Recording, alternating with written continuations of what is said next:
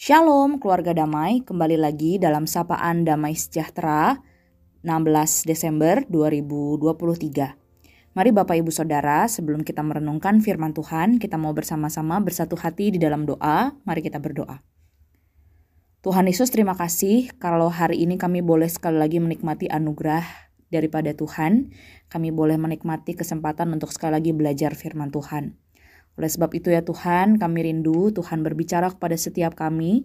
Allah Roh Kudus mampukan kami untuk boleh mengerti firman Tuhan dan melakukannya di dalam kehidupan kami. Terima kasih Tuhan Yesus, di dalam nama Tuhan Yesus kami siap untuk mendengarkan firman-Mu. Amin. Bapak Ibu Saudara, tema perenungan kita pada hari ini adalah kepuasan dalam Tuhan.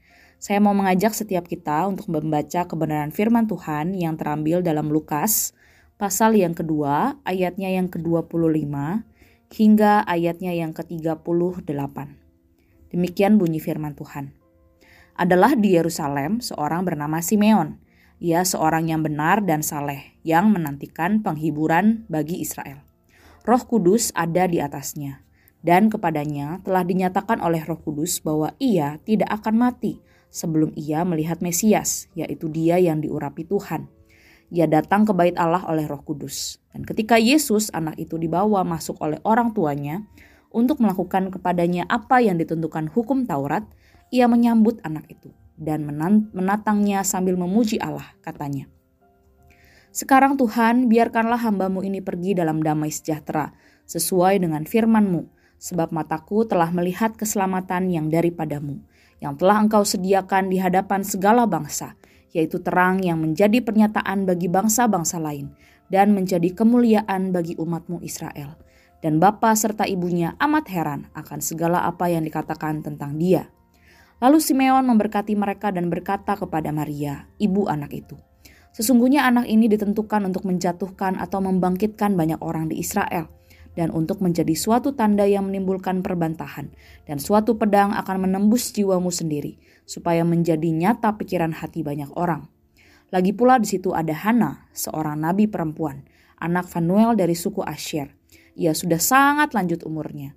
Sesudah kawin, ia hidup tujuh tahun lamanya bersama suaminya. Dan sekarang ia janda dan berumur 84 tahun. Ia tidak pernah meninggalkan bait Allah dan siang malam beribadah dengan berpuasa dan berdoa. Dan pada ketika itu juga datanglah ia ke situ dan mengucap syukur kepada Allah dan berbicara tentang anak itu kepada semua orang yang menantikan kelepasan untuk Yerusalem. Sedemikian jauh pembacaan firman Tuhan kita pada hari ini, Bapak Ibu Saudara. Bapak Ibu Saudara memasuki momen-momen Natal tentu sering kali kita merindukan momen yang indah bersama dengan orang-orang yang terkasih, dengan keluarga ataupun dengan saudara-saudara kita. Tentu setiap kita mengharapkan hal yang indah, yang baik, yang terjadi. Tetapi Bapak Ibu Saudara sering kali apa yang kita harapkan belum tentu dengan mudahnya terjadi sesuai dengan apa yang kita inginkan. Mungkin saja kita memasuki Natal di tahun ini dengan perasaan takut, dengan pergumulan, dengan kesendirian, dengan segala ketakutan dan permasalahan yang masih juga terjadi dalam kehidupan kita. Seringkali harapan atau ekspektasi kita mungkin tidak sesuai dengan apa yang kita inginkan. Pada hari ini, kita boleh mendengar firman Tuhan yang mengingatkan kita tentang Simeon dan juga Hana, yang adalah orang-orang yang takut akan Tuhan, dan mereka menanti-nantikan momen indah di dalam kehidupan mereka. Tetapi di dalam perjalanan kehidupan mereka, ternyata momen indah itu tidak terjadi dengan secara instan. Mereka perlu menunggu waktu yang sangat lama untuk menantikan momen indah yang mereka inginkan. Alkitab memperkenalkan Hana dan Simeon sebagai orang yang benar dan saleh yang sangat merindukan kedatangan Mesias yang membawa keselamatan dan penghiburan bagi bangsa Israel. Kerinduan yang besar tersebut inilah yang menciptakan rasa dahaga rohani yang besar, yang setiap hari akhirnya mendorong Hana dan juga Simeon untuk datang kepada Tuhan. Mereka datang kepada Tuhan setiap hari, beribadah, berpuasa, dan berdoa di bait Allah. Dan Allah menghargai rasa dahaga tersebut, dan mereka dikaruniai dua hal istimewa oleh Allah. Yang pertama, Allah memuaskan dahaga rohani tersebut dengan mempertemukan mereka dengan bayi Yesus di bait Allah. Pertemuan tersebut membawa kepuasan yang tidak ternilai, sehingga Simeon menyatakan sudah siap mati dalam kepuasan dan kedamaian karena sudah bertemu dengan Yesus. Yang kedua, Allah memakai mereka untuk mewartakan identitas Yesus Kristus yang sejak dahulu kala sudah dinantikan oleh bangsa Israel sebagai Sang Mesias yang akan datang membawa keselamatan bagi umat pilihan. Hana dan Simeon memperkenalkan Yesus sebagai keselamatan yang berasal dari Allah, terang bagi bangsa-bangsa dan membawa kelepasan bagi umat Allah. Secara khusus, Simeon menubuatkan bahwa pelayanan Yesus selain mendatangkan kebangkitan rohani bagi Israel, juga mendapat perlawanan yang menghancurkan hati ibunya, yakni kematian di kayu salib. Tetapi Bapak Ibu Saudara, rasa dahaga rohani Hana dan Simeon telah mendorong mereka untuk terus berelasi kepada Allah sehingga ketika mereka bertemu dengan Yesus, dahaga mereka dipuaskan.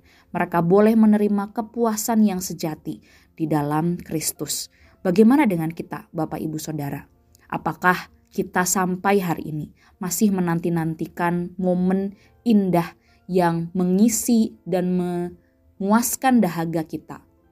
Ataukah kita sudah menemukan sukacita yang sejati hati kita dipuaskan ketika kita boleh bersama-sama menyambut datangnya Kristus yang lahir di hati kita.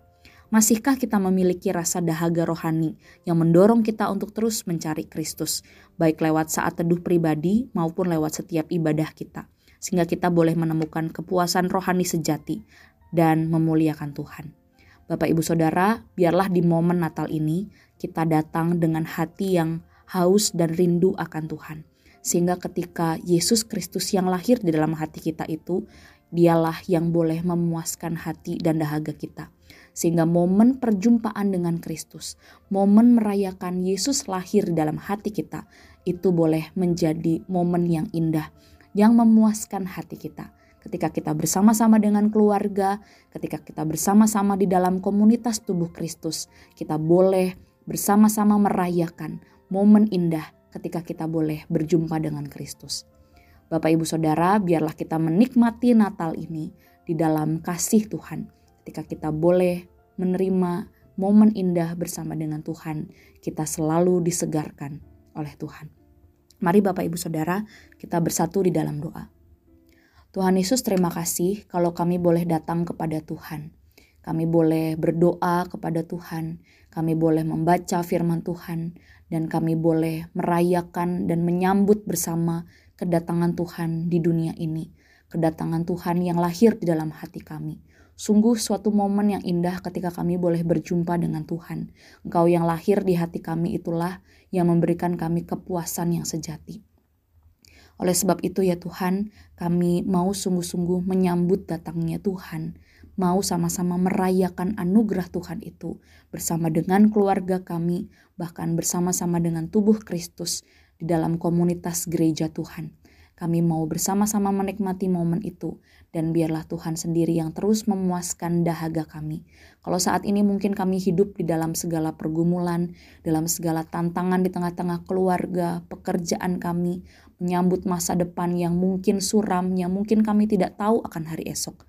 Mari Tuhan, Engkau puaskan hati kami, Engkau isi hati kami yang kosong ini, sehingga kami boleh melihat masa depan kami bersama dengan Tuhan, hidup kami bersama-sama dengan Tuhan. Terima kasih Tuhan Yesus, di dalam nama Tuhan Yesus kami berdoa dan mengucap syukur. Amin. Selamat beraktivitas Bapak Ibu Saudara, Tuhan Yesus memberkati setiap kita. Selamat menikmati momen indah bersama dengan Tuhan.